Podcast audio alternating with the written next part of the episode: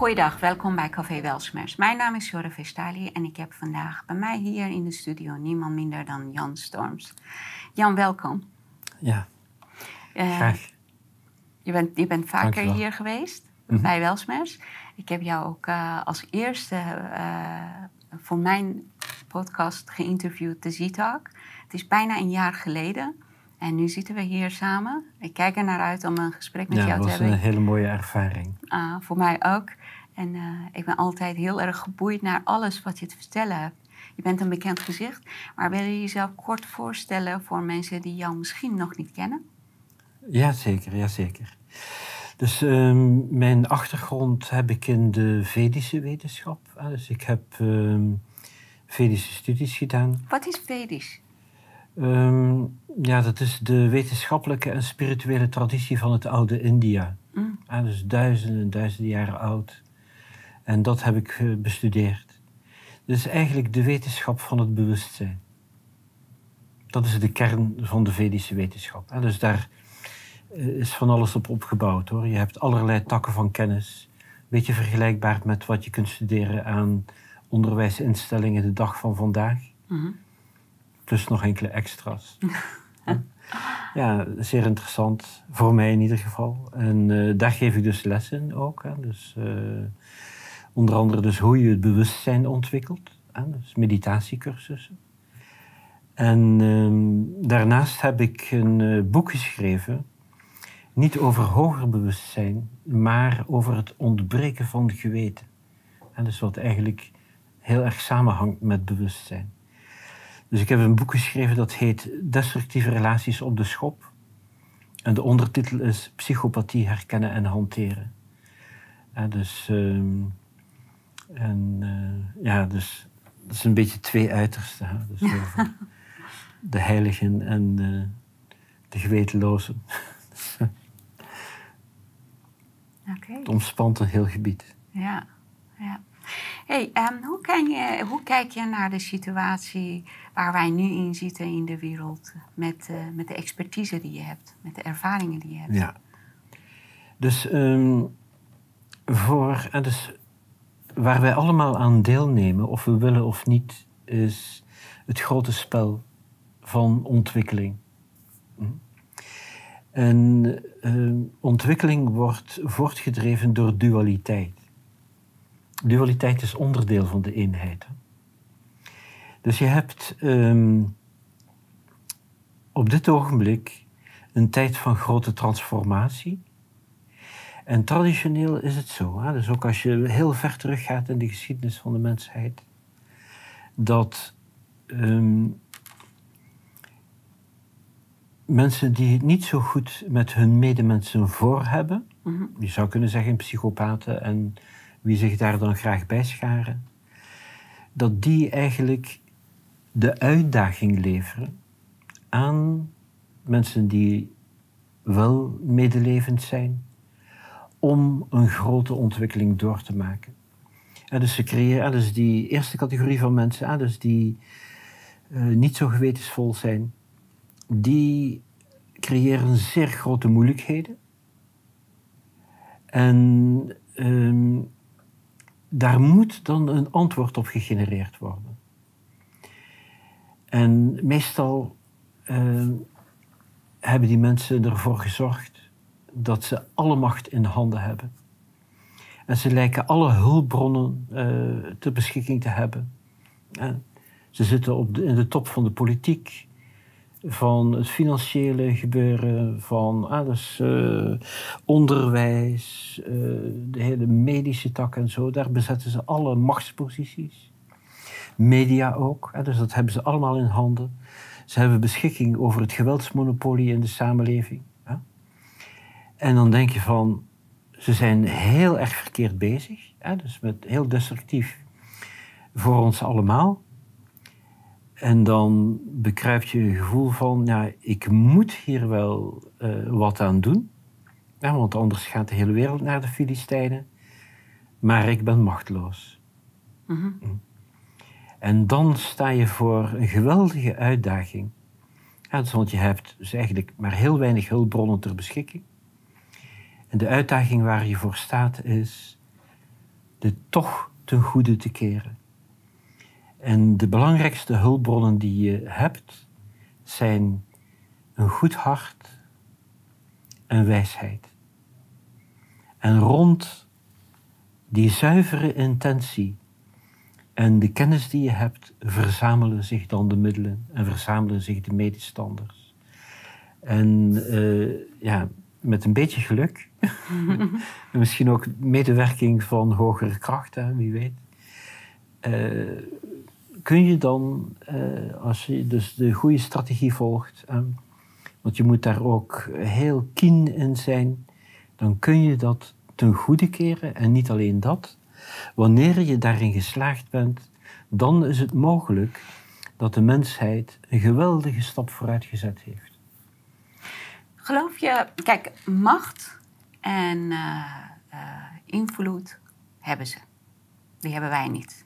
We hebben onze eigen macht, maar macht over alle middelen die nodig is om mhm. iets uh, voor elkaar te kunnen krijgen. Wat wij zien is gewoon in handen van verkeerde mensen. Mhm. Geloof jij in buitengewoon of hogere machten? Je hebt het net benoemd, maar ik ben benieuwd of je daarin gelooft. Ik hoef er niet in te geloven, ik maak er gebruik van. Hè?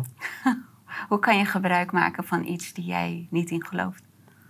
Oh, maar als je ergens gebruik van maakt, het is net alsof je zegt: geloof je in een hamer.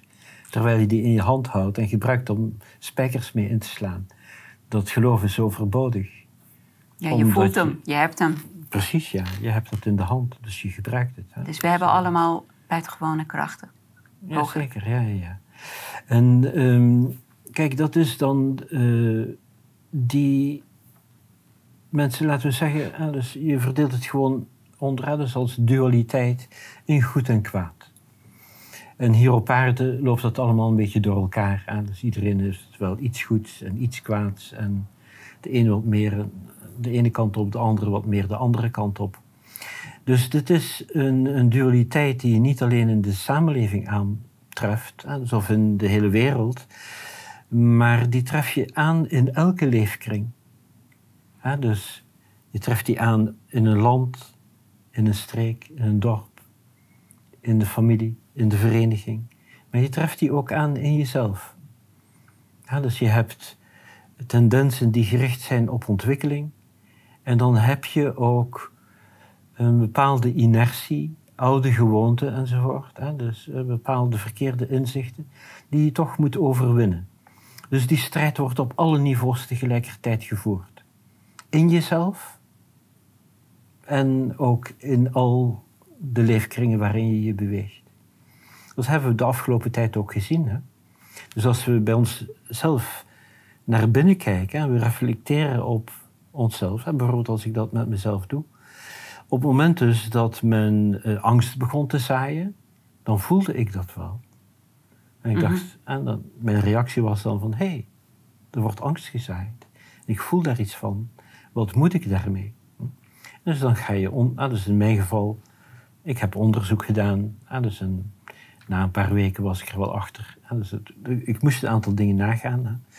En na een paar weken was ik erachter van, oh, wat is de werkelijkheid hiervan? Is helemaal niet nodig om angstig te zijn, enzovoort. En dus dan bevrijd je je van eh, wat men daar dan mee wil doen. Hè? Want door angst te zaaien kun je mensen in de greep krijgen.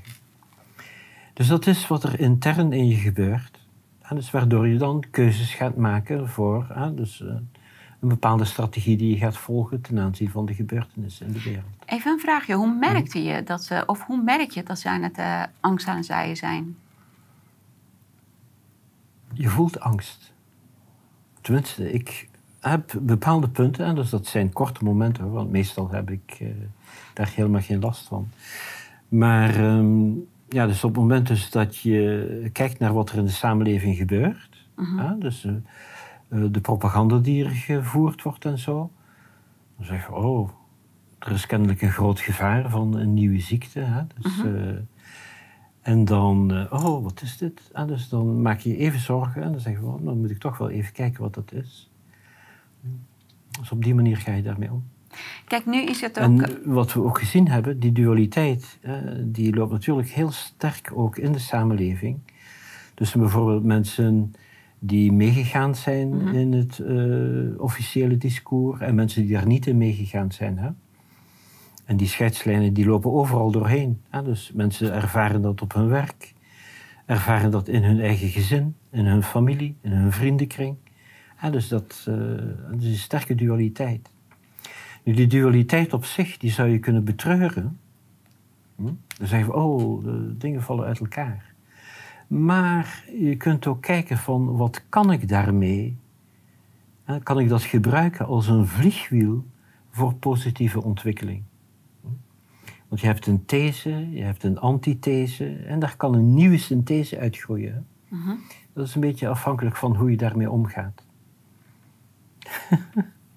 dus dan maakt het meteen eh, ook een stuk hoofdvoller. Hè? Als je zegt, eh, wat kan ik daarmee? Herkende jij ook eh, psychopathische trekjes in hoe de scenario werd uitgerold over de hele wereld? Ja, zonder meer. Zonder meer. Eh, een heleboel zelfs. Ja. Ehm, kijk, het is misschien goed om even psychopathie te, definiëren. Hè? Graag. Is omdat de meeste mensen die ehm, hebben het beeld van een psychopaat als een soort Hannibal Lecter. Hè, dus dat soort mensen. Hè, of, of killerseriemoordenaars, hè, dus die heel veel kwaad hebben aangericht. Een soort monster. Hè. Ja. Maar ehm, psychopathie, en dus die mensen bestaan overigens, hè, dus die zo erg eh, tekeer gegaan zijn en die veel slachtoffers gemaakt hebben. Maar eh, psychopathie is een veel breder verschijnsel. En ehm, dus in de meeste gevallen gaat het gemaskerd achter hè, dus een masker van gewoonheid. Of beter dan gewoon. Hè, dus charmant, sympathiek. Ja. En dus dan is het heel moeilijk, hè, dus in veel gevallen is het moeilijk te herkennen. Dus ehm, de kernkenmerken van psychopathie, waar de meeste onderzoekers op dit gebied het over eens zijn, dat is dat psychopathie gekenmerkt wordt door het ontbreken van geweten, Mhm. dus waardoor je dus geen sturing hebt op goed en kwaad. En het ontbreken van invoelingsvermogen. Ik zou daar nog een paar dingen aan kunnen toevoegen. Dus het ontbreken van wijsheid bijvoorbeeld. Liefdeloosheid, dat soort dingen. Maar dus het ontbreken van invoelingsvermogen, dat wil zeggen dat ehm, je totaal geen rekening houdt met hoe een ander zich voelt ten gevolge van wat jij doet. Mhm. Dat interesseert je niet. Waarom interesseert het die mensen niet? Omdat ze dat niet kunnen waarnemen. En waar dat eh, dan sterk mee te maken heeft, is het volgende.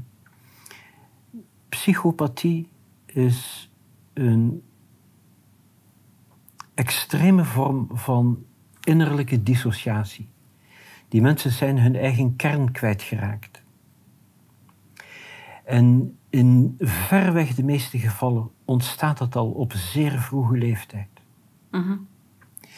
Wanneer dat op zeer vroege leeftijd ontstaat, dat, dat kan al in de tijd van de zwangerschap geweest zijn. dus de Zo vroeg al? Ja, ja, ja. ja. Dus Oké. er kan, bijvoorbeeld, er kan iets mis zijn met het kiemmateriaal. Oké, ja. Waardoor, Echt dus er- genetisch. Ja, dat kan. En dus waardoor er iets misgaat in de ontwikkeling van die vrucht. En er zijn, eh, ja, er zijn kinderen die geboren worden met allerlei handicaps. Dat kan ook een Mhm. handicap van het geweten zijn. Ja, oké. Of eh, er zijn grote moeilijkheden rond de bevalling. Alsof eh, in de eerste maanden of eerste paar jaar van eh, de ontwikkeling. Hè, waardoor de ontwikkeling stil komt te staan. Ja. Nu, wat je hebt bij hele kleine kinderen, dat is ook dat ze nog geen theory of mind hebben. Mhm. Theory of mind, dus, dat is heel normaal voor kleine kinderen. Hè? Dus elk klein kind gaat door die fase heen. Wanneer je wel een theory of mind hebt, dan kun je spontaan rekening houden met het feit dat andere mensen een ander standpunt hebben dan jijzelf. ander gezichtspunt. En dus ook andere belangen, andere behoeften en zo. En dat heet Theory of, uh, theory of Mind? Dat heet Theory of Mind. Aha. Dus men noemt het ook mentaliseren. Ehm, dus dat is normaal voor hele kleine kinderen. Maar wat er gebeurt bij de meeste mensen die aan psychopathie lijden, en dus als ze als jong kind in hun ontwikkeling verongelukt zijn, dan hebben ze dus nog geen volledige theory of mind verworven. En ze nemen dat mee in het latere leven. Dus die Komt de mensen, ontwikkeling even stilstaan? De ontwikkeling heeft, dus ten aanzien daarvan, dus ten aanzien van de ontwikkeling van het geweten en invloedingsvermogen, heeft stilgestaan, maar ook ten aanzien van die theory of mind. Het gevolg daarvan is dat die mensen alleen maar in hun eigen wereld leven en een volstrekt eigen logica hanteren, die heel anders is dan een volwassen logica. Dus als je de enige bent die bestaat en je hebt eigenlijk eh, een niveau van maturiteit, laten we zeggen van een tweejarige, dan kun je je heel veel permitteren zonder dat je eh, ook maar iets van indruk krijgt dat je verkeerd bezig bent. Dus ehm, voor een kind van een jaar of twee, hè, zo, zo gemiddeld, hè, de ander is een instrument voor de bevrediging van zijn behoeften. Mhm. Hm? Ja, Het kind heeft geen eigen verantwoordelijkheid. hè. kinds wil is wet, hè? Zeg Precies, ja, ja. En eh, je moet je voorstellen dan dat er heel veel van die kinderen zijn die dus verongelukken in hun ontwikkeling. En die die kinderlijke visie op het leven, die kinderlijke logica, meenemen in het volwassen leven. Die leven alleen maar voor zichzelf. Een, en dus mijn schatting is dat dat gebeurt bij ongeveer 5% van de kinderen. Dat, Dat is, is dat is gigantisch veel. Ja. veel. Ja. Maar eh, zij leren dat enigszins te verbergen. Mhm. Waardoor dat in de meeste omstandigheden niet, eh, in de meeste omstandigheden niet gaat opvallen. Er is ook onderzoek gedaan ehm, in, eh, de, nou, door een organisatiepsycholoog, die heet eh Babiak, in de top van zeer grote bedrijven. En hij heeft vastgesteld dat psychopathie daar vier keer vaker voorkomt dan in de algemene bevolking. Dat was zijn conclusie, hè, dus op basis van zijn inzicht in eh, psychopathie. Hè. En ehm, nu is ah, dus die mensen die zo in de top van het bedrijfsleven terechtkomen, maar die dus niet in staat zijn de ander waar te nemen als een zelfstandig handelend subject met eigen behoeften, eigen noden, eigen leven, eigen doelstellingen in het leven, dat zijn zeer slechte leiders. Ja, dus, die, ja, dus als je daar in de omgeving van moet werken, dat is verschrikkelijk. Maar dan moet Maar je die gewoon mensen- die bepaalde, die- deze eigenschappen hebben om zo ver te kunnen schoppen, toch? Wel, dat zijn mensen die in staat zijn om over lijken te gaan. Ja, Want of iemand leeft of niet leeft, maakt voor hen niet veel verschil. nee. Nu, dat vind je niet alleen in de top van zeer grote bedrijven, maar dat vind je ook in de top van de politiek. Want om daar te komen moet je ook over lijken kunnen gaan. En, eh, en dus, er is een, eh, een psychiater geweest, ah, dus in de vorige eeuw, die heette Hervey Cleckley. Mhm. Die heeft een diepgaande studie verricht naar psychopathie. Hij heeft daar een boek over geschreven. En in dat boek is er een zinsnede die mij zeer getroffen heeft. En dat is waar hij zegt, ah, dus, the psychopath carries disaster lightly in each hand. Dus grote rampen, die draagt de psychopaat licht in zijn, in zijn beide handen. Hij beseft het gewicht niet van wat hij doet. Of zij, het kan ook een zij zijn. Ik heb geen medelijding met ze hoor. Dat ze het niet beseffen, weet je? Ja, dus eh, kijk, wanneer je beseft dus dat die mensen op de een of andere manier gebroken zijn in hun ontwikkeling. En dat kan ook multigenerationeel zijn. Hè? Dus dat kan Mhm. vele generaties aan de gang zijn. En dus dat je dus allemaal generaties hebt waar, uh, gezinnen waar psychopaten in voorkomen. En uh, je hebt natuurlijk ook politici, dus die uit gezinnen komen, dus waar elke generatie wel wat politici levert. Hè? Ja. Regenten en zo. Dus, um, wat was ik aan het zeggen? Uh, um, dat de psychopaten in elke topfunctie van. Ja, ja, ja. Dus die komen in die, topfunctie, in die topfuncties terecht. En um, die zijn dus in staat om een onmenselijke politiek te voeren, hebben geleerd om dat te verpakken in uh, allemaal uh, mooie idealen. Hè? Bijvoorbeeld, je doet het voor een ander. Hè? Dus uh, beroep doen op de medemenselijkheid die bij het grootste deel van de bevolking wel aanwezig is, Hier, maar niet bij hen. Hier komt bij mij een vraag naar boven. Ja? Als ze dat besef niet hebben, hoe kunnen ze dat erkennen dat de anderen dat hebben en dat kunnen ze gebruiken? Als ze geen empathie hebben, hoe kunnen ze het bedenken om de empa empathische gevoelens in anderen te manipuleren voor hun eigen. Uh... Wel, zij hebben een neus voor wat bruikbaar is voor hen. Ja, dus mensen die een goed ontwikkeld zorginstinct hebben, dat zijn ideale prooien voor mensen die aan psychopathie lijden. Hm. En ze voeren, ze voeren vaak, uh, dus je hebt allerlei soorten psychopaten hoor, maar die mensen die aan psychopathie lijden, die voeren vaak tests uit om vast te stellen of jij een geschikte prooi bent. Mm. Welke weg werkt? En ze hebben er een neus voor. Hè? Er is een uh, vrij bekende uh, proef geweest waarbij men dus uh, zwaar criminele psychopaten die vrouwen aangerand hadden en zo. En dus die zette men achter een spiegel. Mm -hmm. Waar, dat was zo'n speciale spiegel waar je kunt aan één kant erdoor kijken en aan de andere kant niet. Hè. En dan liet men vrouwen door de gang lopen. En die konden dus die psychopaten niet zien, maar de psychopaten konden die vrouwen zien. Mm -hmm. En de opdracht voor de psychopaten was die vrouwen eruit te pikken die geschikte slachtoffers waren. En ze deden dat feilloos. Ze haalden er alle vrouwen uit die al eerder aangerand waren. Dus dat, dat is. Heeft het met houding te maken, met aura? Wel, met, wa, wat het, maakt ze anders? Het zal, en dus, wanneer je dus ernstig getraumatiseerd bent, dan laat dat altijd sporen achter.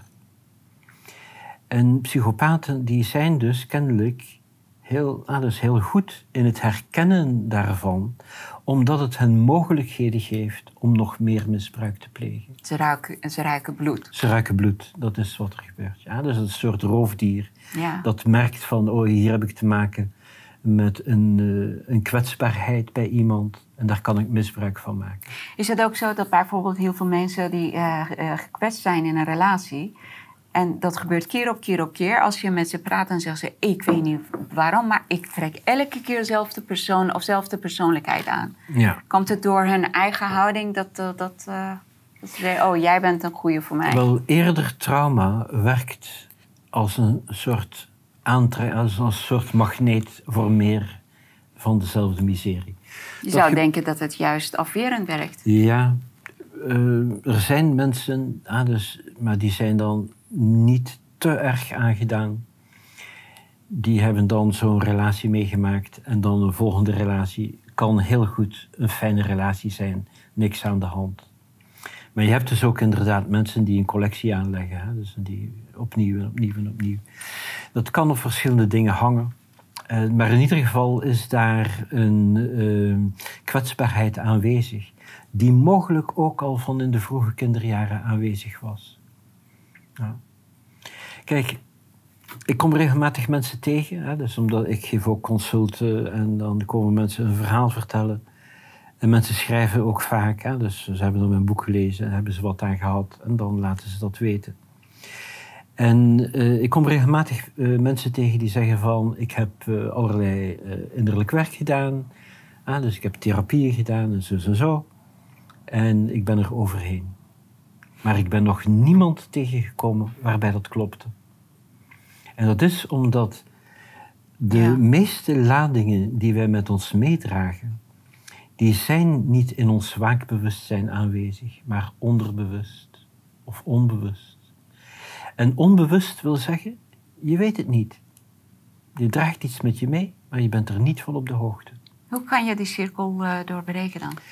Nou ja, eh, je kunt ervoor zorgen. ah, dus er zijn eh, dingen die je daarvoor kunt doen. Je moet in ieder geval kennis verzamelen. Je moet weten dat dit bestaat en hoe. ah, dus dat psychopathie bestaat, hoe het werkt. Eh, je moet ook wel even kijken naar van waar komen mijn kwetsbaarheden vandaan. En wanneer je daar dan concreet mee te maken hebt, moet je echt wel een strategie bedenken. En dan moet je ook vaardigheden ontwikkelen om die strategie handen en voeten te geven. En je moet ervoor zorgen dus dat je zelf groeit in kracht en dat je die vervelende ladingen kwijtraakt. Dus dat wil zeggen dat je eh, dus voor ontwikkeling gaat die gepaard gaat met een innerlijke schoonmaak. Als ik goed luister naar eh, beschrijvingen van eh, psychopathie, ehm, dan denk ik, elke winnaar moet trekjes van psychopathie in zich hebben. Want als jij wint, dan, dan zijn er altijd verliezers. En de verliezers worden verdrietig of teleurgesteld of gedemotiveerd. En jij weet het, maar je gaat alsnog voor je winst. Dus het boeit je niet hoe verdrietig of teleurgesteld anderen zich voelt. Is dat ook hetzelfde als psychopathische trekjes hebben of is dat iets heel anders? Nee. Nee? Kijk, eh, competitie is natuurlijk voor de mens. Oké, misschien moet ik mijn vraag zo stellen. Waar ligt het grens tussen competitie en psychopathie? Wel, competitie is een spel. Psychopathie is op leven en dood. Aha, ja, oké. Dus dan ga je een grens over. Kijk, de meeste zoogdieren, ja, dus niet alleen de mens, maar zoogdieren in het algemeen, die stoeien met elkaar. Ja, En wat je bijvoorbeeld ziet in het gedrag van honden, dus ook wanneer een hond eh, groter en sterker is en de ander wat minder groot, minder sterk. Wanneer ze met elkaar gaan stoeien, dan gaan ze, eh, en dat zijn honden die goed in elkaar zitten, hè, want lang niet elke hond zit goed in elkaar. Dat hangt ook een beetje af van hoe ermee omgegaan wordt. Hè. Maar op zich, eh, zeg maar, honden die goed in hun vel zitten en die met elkaar gaan stoeien, die gaan beurtelings de aanvaller en het slachtoffer spelen. Hè? Spelen. ja. Dat is ja. belangrijk. Hè? Dus er gaat er eentje op zijn rug liggen. Hè? En er is er eentje die gaat... ah, Ja, en dan op een gegeven ogenblik draaien ze die rollen ook om. Dat is spelen. ja. Psychopaten kunnen niet spelen. Dan is het serieus. Ja. Om goed te kunnen spelen moet je goed in je vel zitten. Maar bij psychopaten is het ego zo zwak, en ook een opgeblazen ego is zwak. Moet opgeblazen worden juist omdat het heel klein is. Maar wanneer dat ego heel zwak is en heel kwetsbaar, dan ben je niet in staat om te spelen. Want op het ogenblik dus dat je ook maar een beetje verliest, heb je de indruk dat je doodgaat. Dus je kunt dan alleen maar winnen. Een parasiet. Ja, dus die mensen parasiteren ook, ja. Nu, wat, wij, ah, dus, eh, wat ik dus beschreven heb op individueel vlak, dat maken we nu mee op wereldvlak. Ja, En eh, ik hoor van eh, heel veel mensen, ah, dus die destructieve relaties op de schop gelezen hebben, mhm. dat ze eh, op basis van hun ervaring met dit thema heel goed herkennen wat er gaande is in de maatschappij. Maar mensen die daar nog geen inzicht in verworven hebben, die lopen daarin verloren. Die herkennen het niet. En ook dat geeft een tweedeling.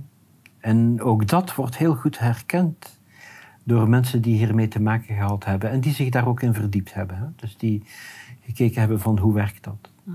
En dat is namelijk op het ogenblik dus dat je met een psychopaat te maken hebt en je praat daarover, dan ontstaat er een splitsing in je omgeving.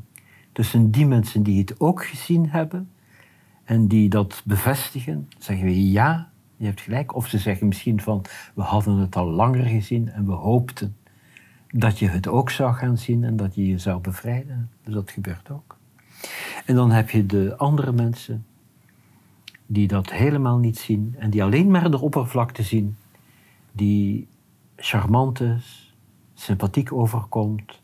En dus waar bijvoorbeeld aan, want alle soorten maskers zijn mogelijk, waar ook bijvoorbeeld een masker van zorgzaamheid is. Uh, mensen die zich voordoen als filantroop. Mhm. Maar de, uh, deze mensen zijn vaak mensenhaters. Ja. En dat is uh, wat ik zie in uh, dus de politiek en de officiële standpunten van de laatste jaren. Daar spreekt geen liefde voor de mensheid uit. Terwijl dat ze het in een uh, liefdevolle verpakking stoppen. Ja. Ja. Maar dan zie je van ja, dat is een verpakking. Klopt. Ja. Dus dat gaat maar zo diep. Ja. En wat men eigenlijk gedaan heeft. Um, dus er zijn een heleboel dingen voorgesteld, zogenaamd, die goed zouden zijn voor je gezondheid. Maar werkelijk elke maatregel was nadelig voor de gezondheid. Ja. Lockdowns hebben zoveel slachtoffers geëist. Ah, dus duizenden. Ik heb daarover een brief geschreven aan de Tweede Kamer. Nauwelijks reactie gehad. Maar het was uit de statistieken te halen. En wanneer heb je dat uh, geschreven? Uh, in juni van 2020. Geen reactie, geen enkele? Of wel? Ik heb twee reacties gehad.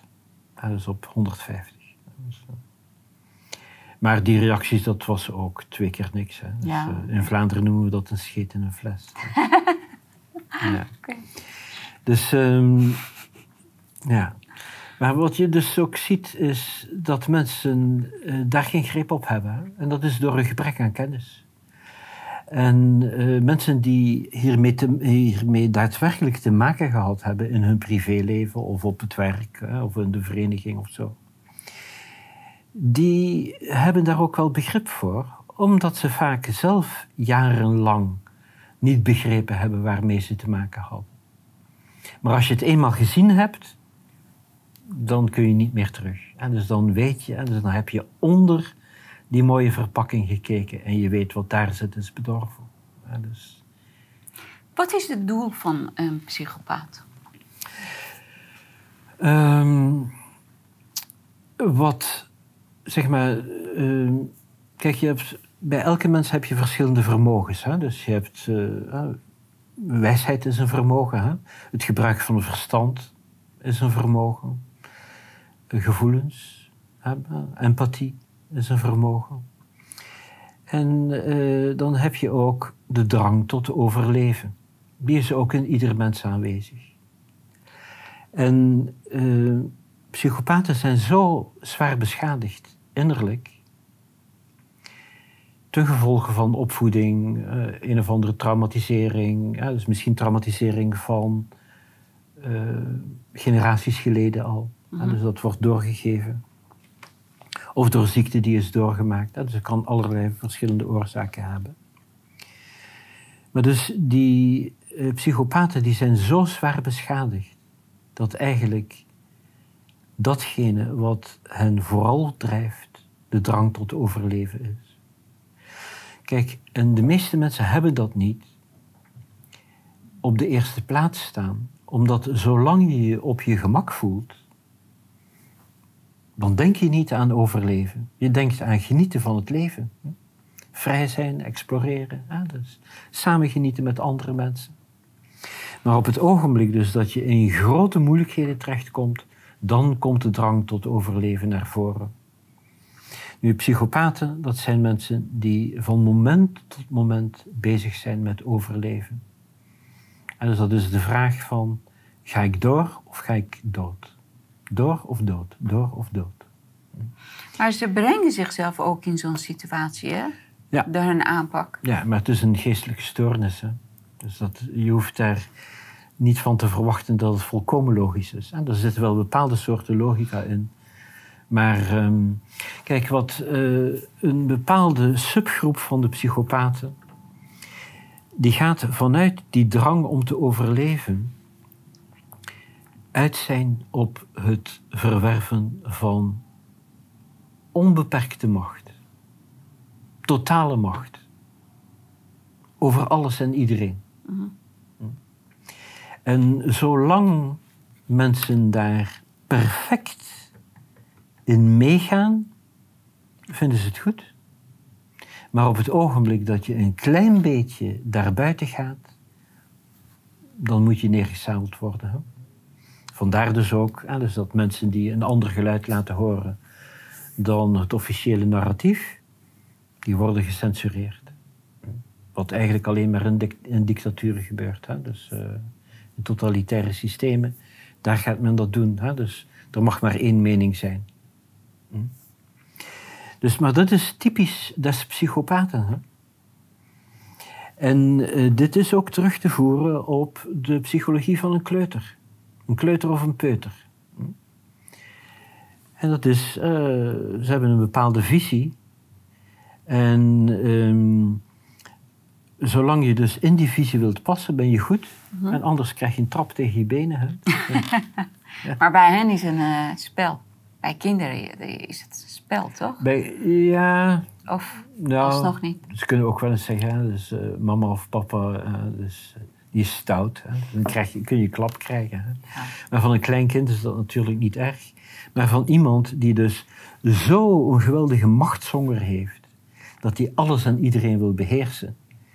En dus alle hulpbronnen heeft opgeslokt. Hm? Geweldige financiële en politieke en dus een uh, militaire macht ook verworven heeft. Dat is een heel ander verhaal. Hè? En het gebeurt geregeld dat die mensen aan de macht komen. Hè? Omdat ze er ook op uit zijn. -hmm. Nu, goede mensen, die zijn vaak afkerig van politiek omdat ze het een smerig bedrijf vinden. Ja. Maar het gevolg daarvan zien we nu. Ja. De mensen die zeggen nou, mij stort dat niet zo dat het een smerig bedrijf is. Die zeggen van, nou, geef die macht maar allemaal aan mij. Klopt. Ik heb ergens gelezen, mensen zeggen, ja, ik heb niks met de politiek te maken. Maar politiek heeft alles met jou te maken. Dus Ja. als je het loslaat, Ja. ja. Dus de opdracht waar eh, goede mensen, Ja. dus mensen die begiftigd zijn met wijsheid en met medegevoel, waar zij voor staan, is de macht terug te nemen en ze goed te richten in plaats van voor destructie. Dat is de opdracht die we hebben. Het komt bij mij een vraag naar boven. Kan het zijn als je zo lang met psychopaten te maken hebt... en dat je zo lang aan het lijden bent en onderdrukking van de psychopaat op je hebt...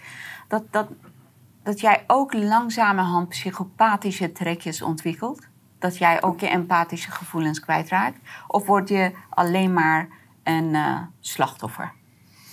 Nee, nee. Dus, um, dus je ziet dat ook bij kinderen die dus in een omgeving opgroeien waar uh, psychopaten de plak zwaaien.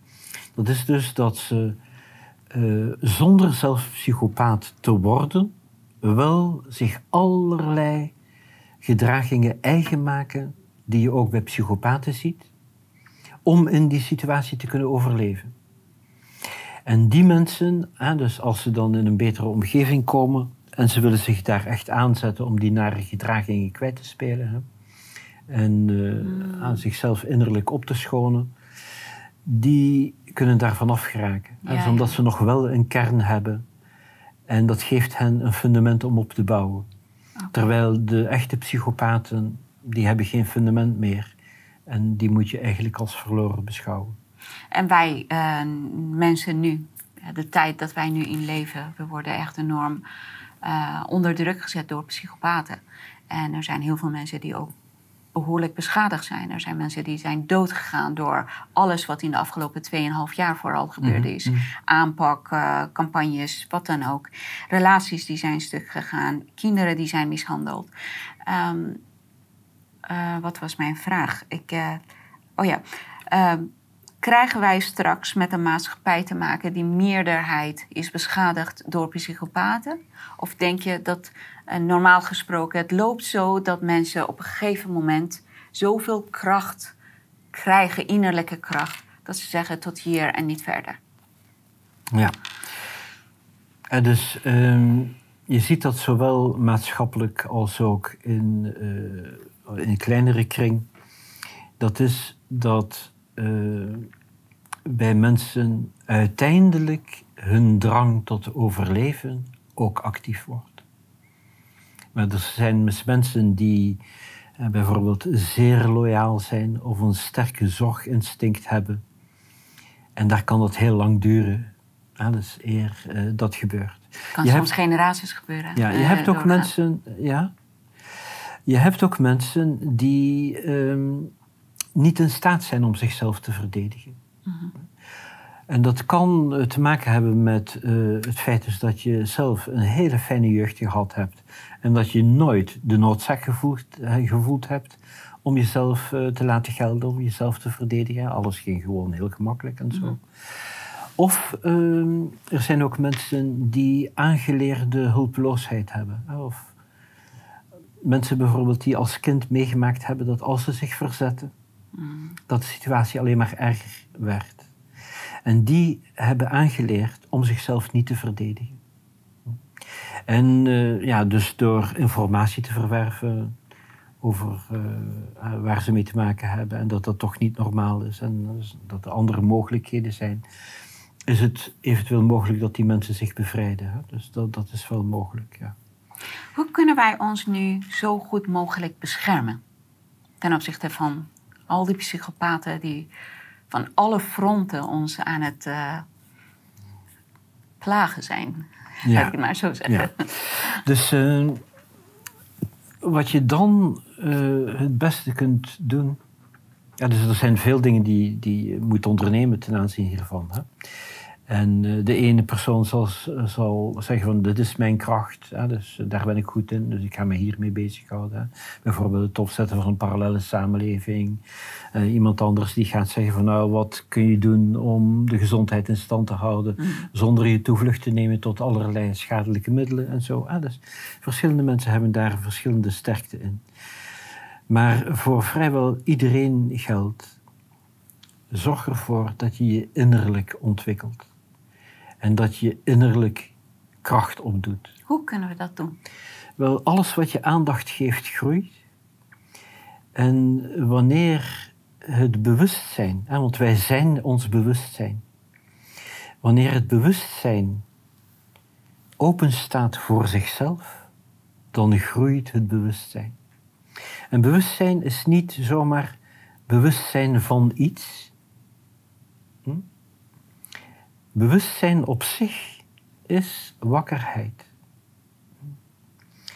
En wakkerheid, dus het woord wakkerheid, wijst op leven, op dynamisme, op kracht, op macht. Dus wanneer je je bewustzijn ontwikkelt, ontwikkel je innerlijke kracht. En wat je traditioneel daarvoor doet, is een degelijke. Enfin, het werkt alleen als je een degelijke meditatietechniek beoefent. Hè. Maar dat is waarom mensen mediteren. Hè? Dat is om zichzelf te ervaren en innerlijk in kracht te groeien. Klopt. Ja. Dus wat ik zie uh, bij veel van mijn studenten, hè, is dat ze zeggen: ja, wij ervaren die druk wel van de omgeving en van de omstandigheden, van alles wat er gebeurt. En allerlei dingen die ook op losse schroeven komen te staan. Hè. Maar wij genieten van het leven. Mm -hmm. En dat is dus dat je innerlijk zo sterk bent ja. dat de impact niet zo groot is. Maar dat geeft je ook een uitgangspunt om zaken ten goede te kunnen keren. Dat kun je doen vanuit innerlijke kracht. Dus um, er is een uh, cultuurfilosoof geweest, die heette Arnold Toynbee. En dus, er is veel discussie over zijn theorieën. Maar ik vind wel dat daar interessante elementen in zitten die ook al oeroud zijn hoor. Hij zei, eh, dus uh, als cultuurfilosoof bestudeerde hij de opgang en neergang van beschavingen. Mm. En hij zei dus dat in de vernieuwing van een beschaving, dus een nieuwe opgaande lijn, dat daar vaak uh, een, zeg maar, dat daar bijzondere mensen aan de grondslag liggen. Hij zegt, die mensen die trekken zich voor een bepaalde periode terug uit het maatschappelijke leven, in de eenzaamheid. dus je zou kunnen zeggen dat ze gaan mediteren. Je trekt je even terug uit de wereld. En dan zegt Toynbee, komen ze terug met een vernieuwd rolbewustzijn. En de meest wakkere en de meest creatieve mensen in de samenleving, die voelen dat nieuwe leven dat gebracht wordt door zo'n bijzonder iemand die zich teruggetrokken heeft en die dan teruggekomen is. En die nemen dat over, die nieuwe ideeën. En dat verspreidt zich hè, dus in uh, het wakkerste deel van de bevolking, tot je een kritische massa hebt bereikt. En dus dat is zo ongeveer 5% van de bevolking. En dan, zegt Toynbee, speelt de wet van de navolging. Dus als die creatieve kern in de samenleving, hè, dus van ongeveer 5% van de mensen, als die die ideeën hebben opgepikt en ze gaan volgens die nieuwe ideeën leven, dan gaat de rest van de bevolking vanzelf daarin mee. En dan heb je dus een nieuwe fase in het leven van een beschaving. Maar de crux daarvan is terugtrekken, jezelf vernieuwen binnenin en dan met die nieuwe ideeën naar buiten komen en anderen daarmee besmetten. Dat is de beste besmetting die er is. En we doen het met elkaar. We doen het met, ja, we doen het met elkaar. Mooie woord om ermee af te sluiten. Uh, zijn er nog andere tips of punten die jij toch even graag met ons wilt delen? Mm -hmm. Ja, dus uh, dat heeft uh, te maken met een stukje strategie. Ja? ja. Um, de, laten we zeggen dat we ze even de tegenkrachten noemen. Hè? Mm -hmm. Dus mhm. die bezig zijn om de zaken eigenlijk uit uh, de sporen te laten lopen. Die hebben hun macht gevestigd op menselijke ellende. Dus je hebt verschillende soorten structuren in, uh, in het leven. Hè? Dus je hebt ellende heeft een structuur. Mm -hmm. dus een structuur wordt in stand gehouden door een kracht. Dat is altijd zo. En je hebt ook meer gelukkige omstandigheden. Dus die worden ook door een bepaalde kracht in stand gehouden. Het ene zorgt voor meer en meer ellende en het andere zorgt voor meer en meer geluk. Waar we nu mee te maken hebben, dat zijn mensen die hun macht, hun machtsbasis hebben in menselijke ellende. En wat je gaat zien is dat ze zoveel mogelijk ellende in stand houden. Mhm. Daarvoor moet je de mensen blijven bang maken. Je moet hun gezondheid benadelen. Je moet uh, slecht onderwijs geven aan hun kinderen. Je moet uh, de kinderen losweken van de ouders. Al dat soort negatieve ontwikkelingen. Dus dat is wat je ziet aan die kant. Aan de goede kant, het goede wordt sterker door zich te voeden met positieve ervaringen. Niet met ellende, maar met geluk. Een valkuil zit hierin dat je als goed mens, goedwillend mens, een mens van goede wil, dat je je laat provoceren door mensen die bezig zijn met verkeerde handelingen. En dat je boos wordt of wanhopig wordt. Dus dat je zelf in allerlei negatieve emoties terechtkomt. Want daarmee versterk je de machtsbasis van die tegenkrachten. Dus wat je daar tegenover moet doen, ik zeg niet dat je dan feest moet vieren als er iets uh, slechts gebeurt. Hè. Maar in de yoga van Patanjali, dat is een wijze van heel lang geleden, die de hele yoga gesystematiseerd heeft. Die zei, wanneer je geconfronteerd wordt met kwaad, mensen die slecht gedrag vertonen, dan moet je niet in woede ontsteken, maar je moet dat onberoerd waarnemen En dat geeft je ook de vrijheid. Dus het is niet dat je je ogen sluit daarvoor of Ja. dat je het verkeerd gaat interpreteren. Maar je houdt je hart stil. Zodanig dat het niet in beroering gebracht wordt door negatieve emoties. En waardoor je ook niet jezelf kwijtraakt. Want als je je hart in beroering raakt, dan raak je jezelf kwijt.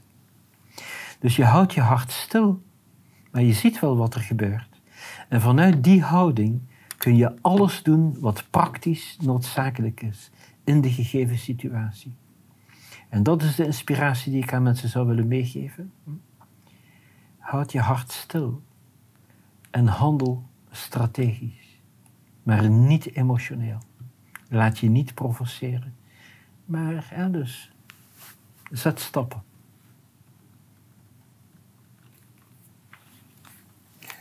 Dankjewel. Ja, graag gedaan. Dankjewel. En graag tot de volgende keer. Ik kan echt uren naar je luisteren. Ja, ik kom graag terug. Bij deze Dankjewel. afgesproken. Dat is goed hoor. Ja. Psychopaten zijn er over, overal. Houd je hart stil. En eh, neem strategische stappen. Bescherm jezelf. En heel graag tot de volgende keer. Dankjewel.